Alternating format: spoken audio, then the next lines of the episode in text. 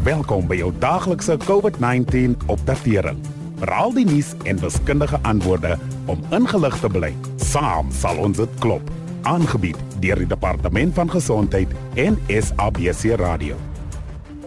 Nadat daar hierdie week 2 dae in 'n ry minder as 90 COVID-19 verwante sterftes was, het president Cyril Ramaphosa die Suid-Afrikaanse Nasionale Redakteursforum Woensdag ingelig dat die Nasionale Koronavirusbeheerraad besig is om verskeie voorstelle oor die verdere verligting van inperkingsregulasies in Suid-Afrika te oorweeg.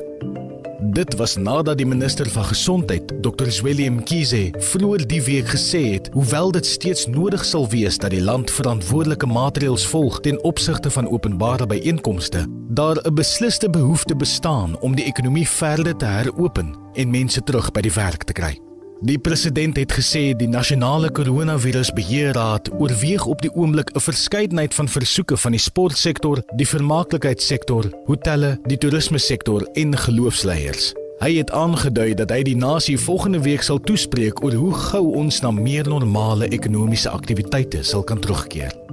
Die ekonomiese uitdagings wat deur die pandemie veroorsaak is, het geweldige probleme vir baie Suid-Afrikaners tot gevolg gehad en bedreig steeds die oorlewing van sommige van die sake sektore wat die swaarste getref is. Maar selfs te midde van al die hartseer en ontberinge, is daar 'n hele paar stories wat 'n mens se hart verwarm. Dit sluit inspirerende voorbeelde in van mense wat hulle sakemodelle so aangepas het dat hulle 'n kans sou hê om die krisis te oorleef. Vandag gesels ons met ons gas oor hoe hulle dit reggekry het om hulle situasie te verbeter sodat hulle hul besigheid aan die gang kon hou en kon aanhou om 'n inkomste te verdien. Soos altyd, as jy na afloop van hierdie insetsel enige vrae het, gaan soek asseblief aanlyn na die Sikaba iCOVID-19 Facebook bladsy waar ons spankundiges dit met graagte sal help beantwoord. Ons gas vanaand is Alistair Reisenberg. Hy is 'n kulturele toergids. Hy het onlangs 'n maatskappy op die been gebring genaamd Where to Go Africa wat mense op virtuele toere neem. Alistair, hoe het die COVID-19 regulasies en inperkings jou bedryf beïnvloed?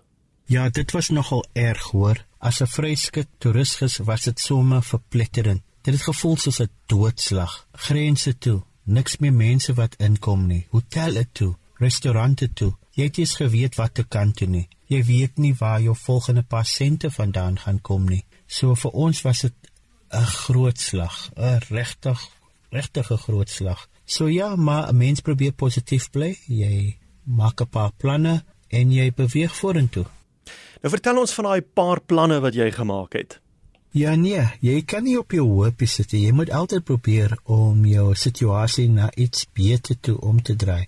En uh, dis wat ek gedoen het saam met my kollegas Kate, Dion en Kim. Ons het so 'n uh, reisprogrammetjie op die been gebring. Sy naam is Where to Go en ons wys Suid-Afrikaners Suid-Afrika. Ons gee blootstelling aan Suid-Afrikaanse toerismebesighede en hulle kry die nodige blootstelling en dit wys ons plaaslike mense waarna toe hulle kan gaan. So ja, ehm um, ons kry nie nou direk inkomste uit hierdie inisiatief nie, maar met die tyd sal ons daarmee ietsie inkry. Ons vra altyd vir mense subscribe, subscribe en dis hoe ons um, uiteindelik ietsie uh, gaan kry. Maar dis wat ons doen. Ons probeer die toerismebedryf aan die gang hou met wat ons doen.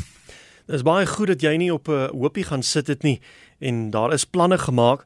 Maar nou wonder ek as jy sê dit genereer nou nog nie 'n uh, inkomste nie. Eh, hoe gaan dit dan finansiëel met jou op die oomblik?